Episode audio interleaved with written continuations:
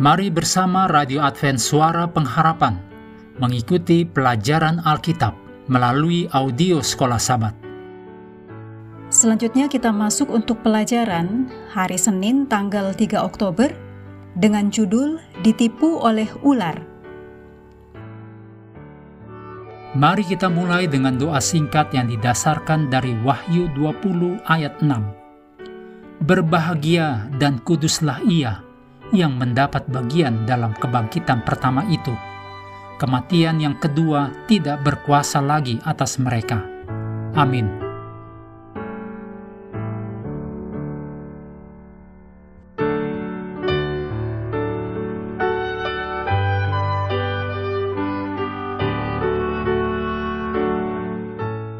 Kejadian 3 ayat 1 sampai 7 mengenai manusia jatuh ke dalam dosa di sini juga terdapat kriteria yang Hawa gunakan untuk memilih antara firman Tuhan dan perkataan ular.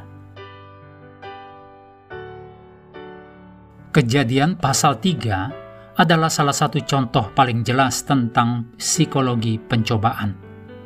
Tuhan telah memperingatkan Adam dan Hawa bahwa jika mereka memakan buah terlarang, mereka pasti akan mati Demikian ditulis dalam Kejadian 2 ayat 16 dan 17. Dengan menyerupai rupa ular, iblis menggunakan beberapa strategi kepandaian berbicara untuk menyesatkan Hawa ke dalam dosa. Pertama, iblis menyamaratakan larangan khusus dari Tuhan. Iblis bertanya kepada Hawa. Kejadian 3 ayat 1. Tentulah Allah berfirman, semua pohon dalam taman ini jangan kamu makan buahnya, bukan? Hawa membantah, larangan itu berlaku hanya untuk pohon tertentu itu. Karena jika mereka pernah memakannya atau menyentuhnya, mereka akan mati. Kemudian iblis menentang pernyataan Tuhan. Iblis menegaskan dengan pasti, sekali-kali kamu tidak akan mati. Demikian ditulis dalam kejadian 3 ayat 4. Dan akhirnya, iblis menuduh Tuhan dengan sengaja menahan pengetahuan penting dari Hawa dan suaminya.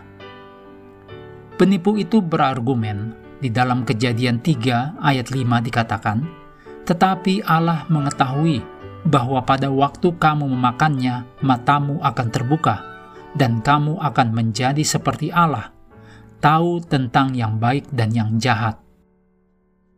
Keingintahuan Hawa membawanya ke daerah sihir setan. Di sana Hawa dipaksa untuk memutuskan apakah akan tetap setia pada perintah Tuhan yang ada batasan atau menerima bujukan iblis yang menggoda. Meragukan firman Tuhan, Hawa menggunakan pengertiannya sendiri. Metode empiris, yaitu dari pengamatan pribadi, untuk memutuskan di antara dua pernyataan yang saling bertentangan seperti yang dicatat dalam Kejadian 3 ayat 6. Pertama, Hawa melihat bahwa dari sudut pandang makanan, buah pohon itu baik untuk dimakan. Kedua, dari sudut pandang estetika, Hawa melihat bahwa itu sedap kelihatannya.